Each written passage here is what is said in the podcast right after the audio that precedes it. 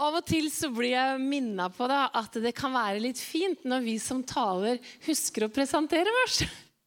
For det hender at vi glemmer det. Også når vi er samla så mange som vi er nå, så er det jo alltid noen som er her for første gang, eller bare har vært noen få ganger. Og så er det noen som har vært her i årevis. Så da tenkte jeg at nå skal vi liksom Check. Jeg heter Anne. Ja, det heter jeg. Og jeg er gift med Rolf Inge. Ja, takk for den. takk for den. Vi er altså pastorpar her på huset. Og så har vi to barn. Og det er Frida, hun blir snart 16, og Theodor på 12. Og Frida hun kom hjem nå rett etter påske. Så kom jeg hjem etter eh, skolen. Og så var det sånn 'Mamma og pappa, nå er jeg nødt til å fortelle dere noe.' Og så, ja, fortell, fortell. I dag har vi hatt spanskprøve. Muntlig. Og jeg hadde helt glemt at vi skulle ha det, så jeg hadde ikke øvd rett etter påska. ikke sant? Da er det fort at man glemmer litt ting. Og vi bare Oi, åssen gikk det, Frida? Nei, det, altså de, de, gjorde det ikke lettere da, at når vi kom inn i klasserommet. Og læreren sier ja, nå skal vi jo ha muntlig spanskprøve. Og alle skal liksom sitte inn på et grupperom sammen med meg, og så skal vi snakke i fem minutter sammen. Frida, vi begynner med deg. Bare, oh, ok. Så hun rakk ikke å forberede seg engang. Og så sier jeg da altså, eh, Men jeg tror nok eh, altså når jeg satt der, jeg tror det gikk greit. For vi skulle få utdelt et tema. Og det var liksom familien vår, da, å snakke om familien. Og sånn. Og jeg, nå tror jeg på en måte at det kanskje læreren min har et bilde at vi er en ganske ung familie. Og jeg tenkte å Ja. Mamma, jeg sa at du var 34. Og så sa jeg at pappa var 36. Og jeg bare kan ikke si det, Frida. Jeg er 48. Ja, jeg vet det, mamma, men jeg kan ikke alle tallene på spansk heller, da. Og så bare OK. Og forresten, Theodor, han er ni. Så vi er altså en ung familie. Vi er ikke så språksterke, men, men vi er løsningsorienterte. Den skal vi ha. Den skal vi ha. Ok, Vi skal dykke inn i Bibelen i dag, i Johannes kapittel 3. Der leser vi om en mann som heter Nikodemus. Han var fariseer og en av jødenes rådsherrer. Han kom til Jesus på natta og sa, 'Rabbi, vi vet at du er en lærer som har kommet fra Gud.' 'For ingen kan gjøre de tegnene du gjør, uten at Gud er med ham.' Og Jesus, han svarte, 'Sannelig, sannelig, jeg sier deg, den som ikke blir født på ny, kan ikke se Guds rike.' Hvordan kan en som er gammel, bli født? sa Nikodemus. Kan noen komme inn i mors liv igjen og bli født for andre gang? Og Jesus svarer, sannelig, sannelig, jeg sier deg, den som ikke blir født av vann og ånd, kan ikke komme inn i Guds rike. Det som er født av kjøtt, er kjøtt, men det som er født av ånden, er ånd. Undre deg ikke over at jeg sa til deg, dere må bli født på ny. Okay. Her har vi en religiøs leder som bør på en måte kunne Bibelen sin. Men likevel så kommer han til Jesus, kanskje fordi han ville snakke med ham om noe som ingen andre skulle si at han snakka med ham om. Hva vet jeg, Han kom i hvert fall på natta. Og så begynner han å prate med Jesus, men Jesus svarer ikke på det som han spør om. Og kommenterer ikke det han sier. Isteden så, altså, så sier Jesus det han trenger å høre. Og det er du må bli født på nytt. Og det er jo et begrep som han Nikodemus ikke helt eh, skjønner. Blir født på nytt. Så Jesus forklarer det. Det som er født av kjøtt, er kjøtt. Det som er født av den fysiske kroppen, det er en annen fysisk kropp. Men det som er født av ånden, av Den hellige ånd, det er ånd. Og du trenger å bli født på ny for å kunne se Guds rike. Altså din ånd, ditt indre menneske, hjertet ditt Kjært barn har mange navn, men din ånd som er liksom inni deg, trenger å bli født på nytt. Så han snakker ikke om kjøttet, kroppen. Han snakker ikke om sjelen. Den må jo fornyes, da. Men han snakker om vår ånd må bli født på ny. Og det er det som er frelsen. Når Den hellige ånd flytter inn i vårt indre menneske, inn i vår ånd, og tar bolig der. 2. Korinterne 5,17 sier derfor om noen er i Kristus, da er han en ny skapning. Det gamle er forbi, se, alt er blitt nytt. Så når jeg eller du ble kristen og ble frelst, så var det vår ånd som ble en ny skapning. Du så ikke plutselig helt annerledes ut, så ikke ditt det fysiske kroppen din, heller ikke sinnet ditt, tankene dine, følelsene dine. Men det var din ånd som ble en helt ny skapning. Så flytta Den hellige ånd inn der. Og da tenkte jeg at jeg ville illustrere det. Jeg skal snart vise deg den tegningen, men jeg først må jeg ha et, eh, et bibelvers også fra 1. Korinterne 6,19. For Paulus han stiller et spørsmål til menigheten i Korint. Han sier, 'Vet dere ikke at kroppen deres er et tempel for Den hellige ånd, som bor i dere?' Han bor der. Han er ikke gjest. Så det vil si at Den hellige ånd i deg Det er ikke sånn han kommer og går etter hvert som du føler det eller ikke det. Nei, han bor der. Han har sin bolig, sin plass, inni deg, i din ånd. Og nå skal dere få se en tegning. Og jeg vet ikke om jeg skal være så veldig stolt av den, for den er innmari enkel. Men da skjønner alle hva det er. Det er et hus. La oss si at det huset her er deg da, og meg. Og så tenker jeg, ok, Hvorfor har jeg det rødt? Jo, for jeg tenkte at det er så godt å ha huset sitt når det er varmt. Så den rødfargen, det symboliserer varme. Er dere med på det? Så kreativ er jeg, liksom. Det stoppa der. Det symboliserer varme.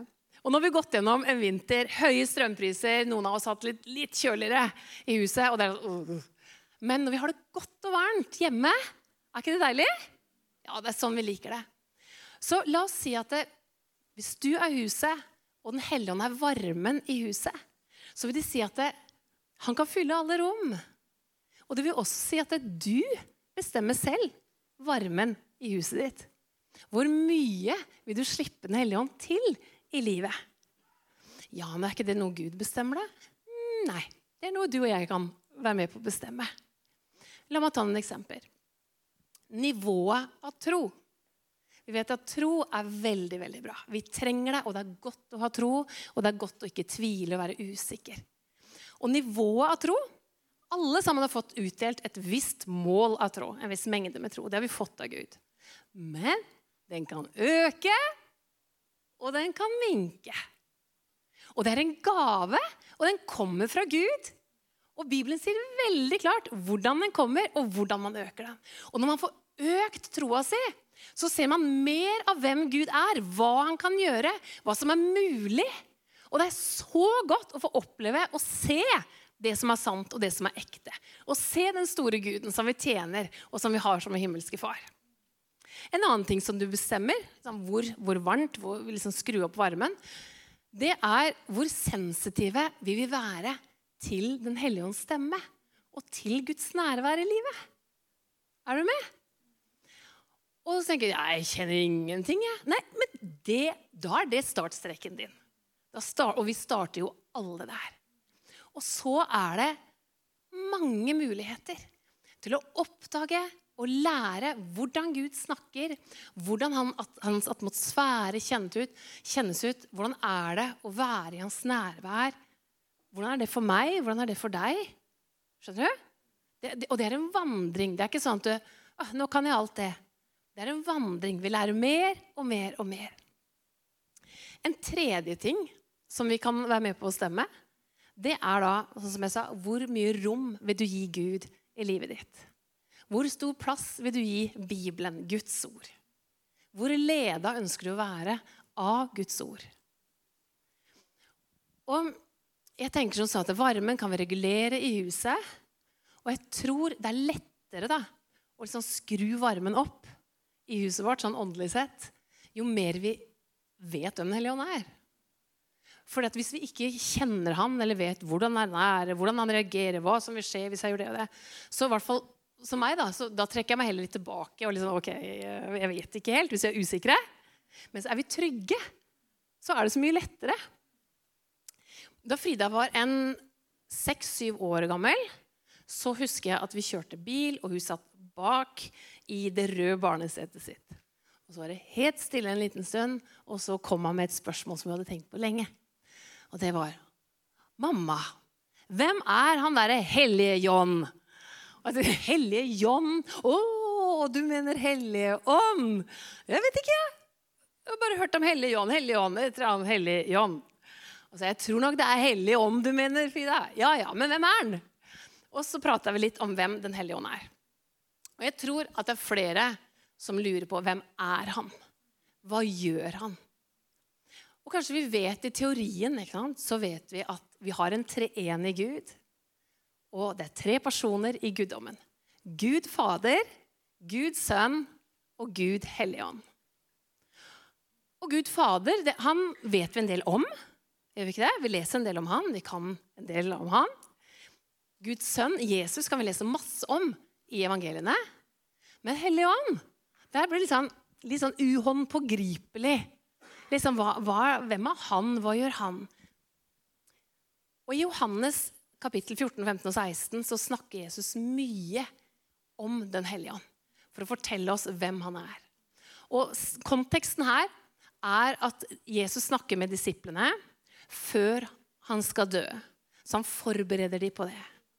Og så sier han, kapittel 14, vers 16, så sier han til dem, og jeg vil be far, og han skal gi dere en annen talsmann, for at han skal bli hos dere til evig tid.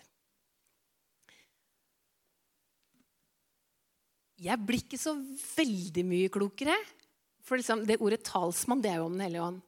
Men liksom, det er ikke et ord jeg pleier å bruke til vanlig. Så det, det er litt sånn fremmedord, det også. Bortsett fra at jeg skjønner at det er en som taler. En som snakker.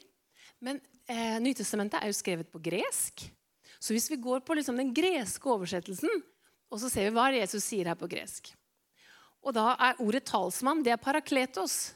Ok, Hva betyr parakletos? da? Og det betyr talsmann. Så det er helt riktig oversatt. Men parakletos det betyr så mye mer.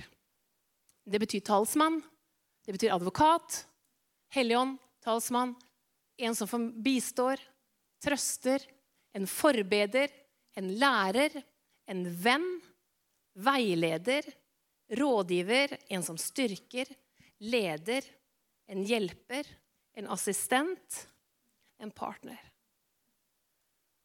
Den hellige ånd er din personlige parakletos. Han er din personlige venn. Han er din personlige rådgiver. Åh, hvor kjekt er ikke det? Når du sitter på jobb, når du er i familien, når du går en tur. Han er din personlige parakletos. Og Min påstand er det at når vi vet dette, og vi vet det det er dette han er, så er det lettere å skru opp varmen. Da er det lettere å slippe han til i alle rom i livet. Også når vi er usikre. Hva skal jeg gjøre her? Jeg tror det er lurt å gjøre sånn. Og så kanskje du får en tanke, en følelse av at mm, Som Den hellige ånd gir et lite hint om. Nei, gjør det heller dette. Gjør dette. Gjør sånn og sånn. Så er det lettere å være lydig til Den hellige ånd når du vet at det, han er rådgiver. Han er min venn. Han vil meg det beste. Og verken du eller jeg klarer å se hva som er rundt neste sving. Men Den hellige ånd, han kan se i vinkel.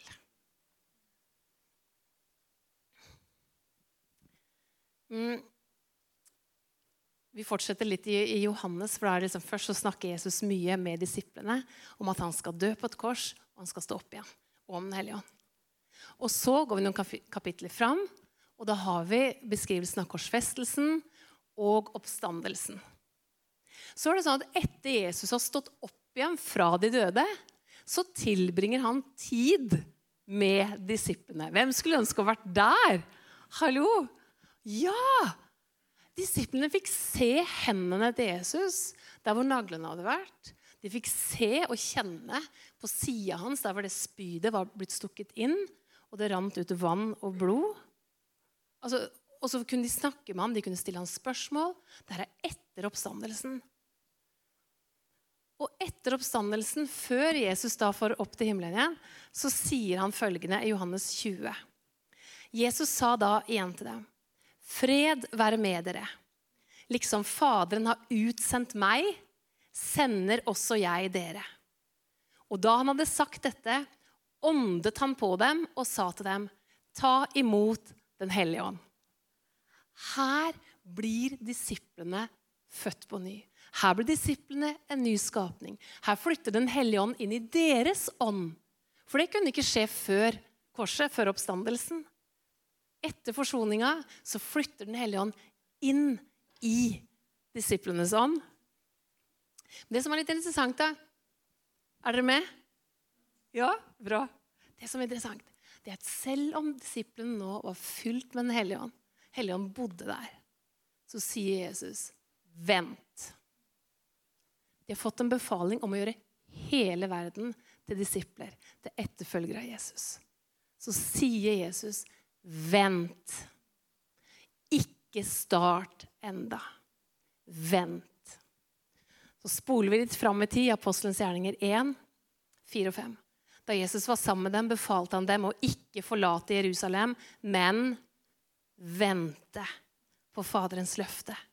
Det dere har hørt av meg. For Johannes døpte jo med vann, men dere skal bli døpt med Den hellige ånd ikke mange dager heretter. Hva betyr det, da? Vi får lese litt videre, da.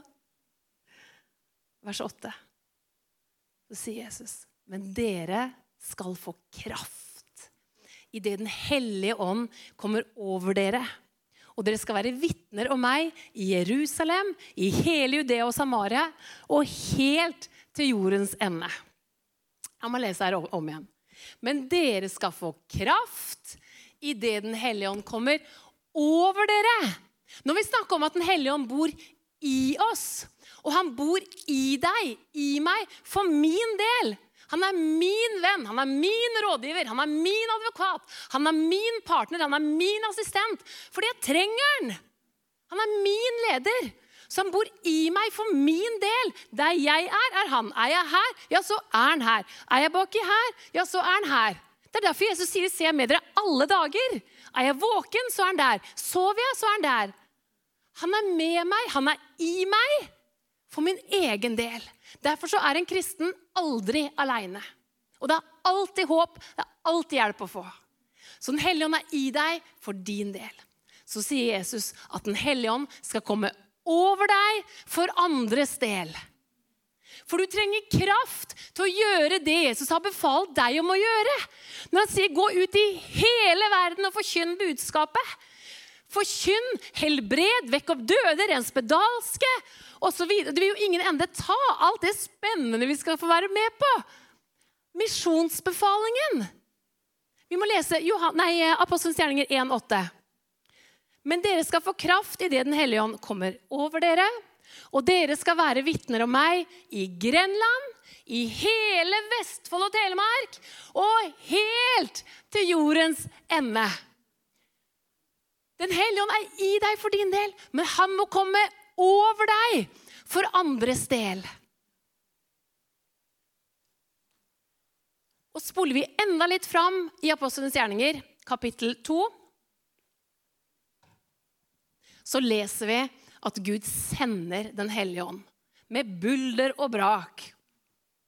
Han sender Den hellige ånd, og disiplene blir fylt av Den hellige ånd. Og det som skjer, det er at de går ut og de forteller om Jesus og leder mennesker til frelse overalt.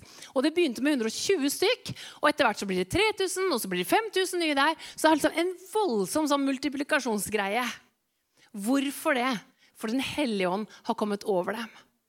Og den kraften fra Den hellige ånd det er den som instandsetter oss til å gjøre det som ikke vi kan gjøre. Har du prøvd på misjonsbefalingen? Ta Markus 16. da. Den er litt sånn heftig, og disse tegn skal følge dem som tror. Og så står det du, du, du, tegna som skal følge oss. Og jeg tenker når jeg leser det, det her kommer jeg aldri til å klare. Det her er umulig. Altså, det er jo det. Det er fordi det er det. Jeg, jeg kan jo ikke gjøre det. Men er det umulig for Den hellige ånd? Nei, det er jo sånne ting han gjør. Det er jo ikke mulig i det hele tatt. Problemet vårt er at vi tror alt det andre kristenlivet er mulig uten, uten Hellig ånd. Ops. Vi trenger Den hellige ånd. Tilbake til Apostelens gjerninger 2. Effekten av at folk blir fylt av Den hellige ånd, er bare så god. Folk blir friske. Folk opplever kjærlighet. Behov blir møtt. Og folk finner fellesskap. Det er liksom, Bare fortsett å lese når du kommer hjem. Les Apostelens gjerninger. Når Den hellige ånd blir sendt, så får han spesielle oppdrag av Gud. Og Det første som jeg har skrevet ned, det er Helligånd fikk det spesielle ansvaret å ta Jesu plass på jorda. Store sko å fylle? Nei. Ikke for Den. Nei, nei, nei. Det er hans ansvar å ta Jesus sin plass her på jorda. Nummer to hans ansvar er også å åpenbare og vise Jesus for verden. Det er han knallgod på. Det liker han å gjøre. Og nummer tre å demonstrere og gjøre de gjerningene som Jesus gjorde. Det er hans ansvar. Det er ikke ditt ansvar. Det er det han som skal gjøre. Og dette vil han gjøre sammen med oss. Fantastisk! Tenk at vi skal få være med på det. Og forandre vår verden og andres verden. Dette her vil han gjøre sammen med oss. Så vi trenger jo å bli fylt med Den hellige ånd. Vi trenger jo kraft fra det høye. Vi trenger fred. Vi trenger kjærlighet.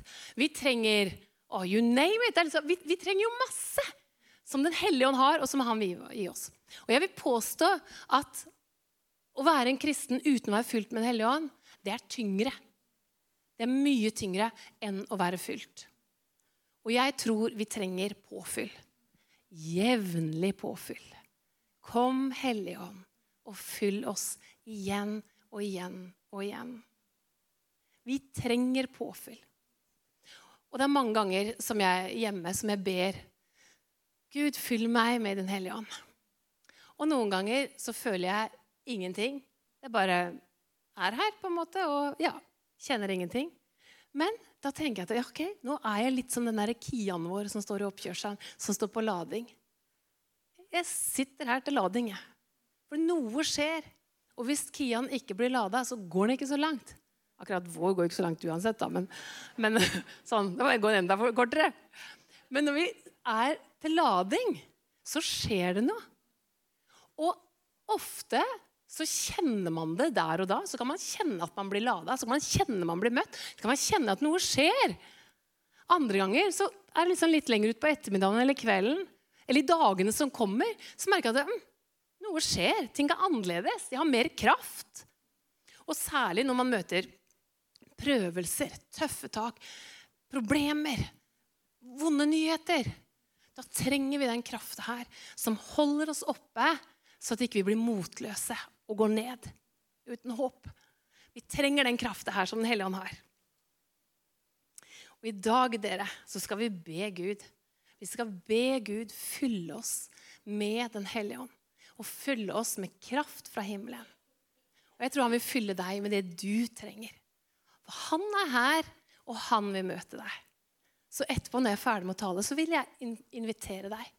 Invitere deg til å ta imot og bli fylt av Den hellige ånd. Og Jeg snakka med bønneteamet her. Så det vi kommer til å gjøre, er invitere fram, og så kan du stille deg på en rekke foran her. Og så blir bønneteamet og jeg vi, vi kommer til å legge handa vår på deg og be den enkle bønnen. Gud, fyll han, fyll hun med Den hellige ånd. Kom, Hellige ånd. Og så kan du få ta imot. Hverdagen din krever sikkert det. Den gjør det. Da Theodor var mm, kanskje to-tre år, så hadde han en favorittleke. Og det var ball. Og så kunne han liksom komme løpende til Rolf Inge eller meg eller Frida og så, og han, 'Kaste mot, kaste mot, kaste mot!' Og da skjønner vi ok, han vil kaste ball og ta imot. kaste ball og ta imot. Så ja, ja, kom igjen, Theodor, så kaster vi og så tar vi imot. Og så fant vi fram ballen, og så var han klar. da. Gleda seg veldig. Og så sier jeg 'Må gjøre deg klar, Theodor!' Og så han bare opp, ja. Jeg skulle havne ballen oppi der. 'Er du klar?' 'Ja', sa han. Og så kasta jeg ballen, og så tok han den imot. Og så ble han kjempeglad. Og så tok han den ballen, og så kasta han til meg, og så tok jeg imot. Og så gjorde han seg klar igjen. 'Er du klar?' 'Ja!' Og så kasta jeg ballen, og han tok imot. Og sånn fortsatte vi. Ganske lenge, for å si det sånn. Han syntes det var veldig, veldig gøy. Jeg tror at når vi er sammen med Gud, så trenger vi å gjøre akkurat det samme. Kaste og ta imot. Og jeg tror vi er ganske flinke på å kaste. Altså Bønneemnene våre. som er Gud, og jeg ber for henne. Å Gud, jeg bare ber om at det skal skje i byen vår. Gud, jeg ber for det som der. Jeg ber for familien min. Og så kaster vi sånne baller opp til Gud.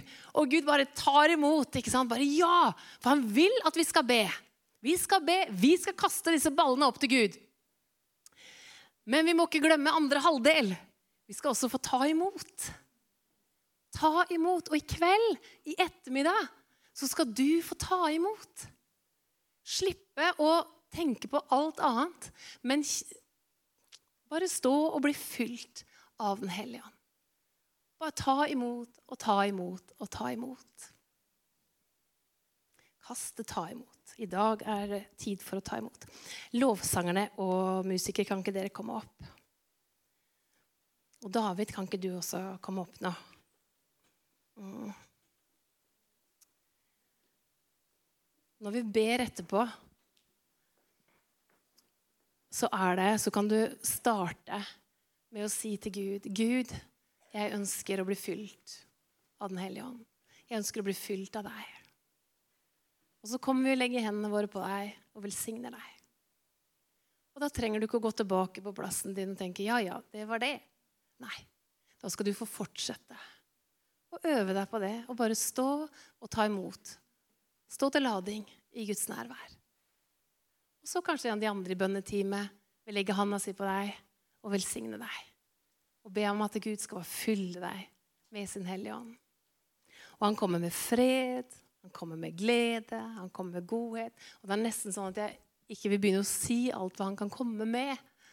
For det er uendelig av godhet han har å gi deg. Og han vet hva hjertet ditt trenger. Um, jeg skal vise et, uh, nei, to bilder til. Ja, to bilder til.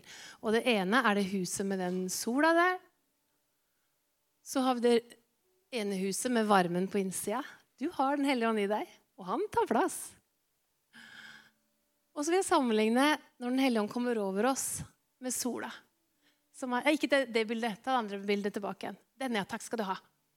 Så kommer sola og gir deg kraft, gir deg kjærlighet, gir deg omsorg, gir deg evner, gir deg gaver. Han kommer med sin kraft og varmer huset fra utsida og gjør noe med hele deg. Kombinasjonen av de to her, da kan du ta det siste bildet. Det er kombinasjonen. Når du har Den hellige ånd inni deg, og Den hellige ånd kommer over deg, så vil du begynne å se at ting rundt deg begynner å vokse. Du begynner å spire, du begynner å gro. Spennende ting begynner å skje. Bønnesvar kommer på plass. Folk blir velsigna. Det er nye ting som bare, bare, bare, skjer, og andre blir fylt med Den hellige ånd. Andre blir møtt av Guds kjærlighet på en sterkere måte og oftere. Jeg kunne tegna en eng av blomster her, men jeg hadde ikke så god tid. Men du kan se det for deg. Det er enda bedre. Så komboen, det er krutt, altså.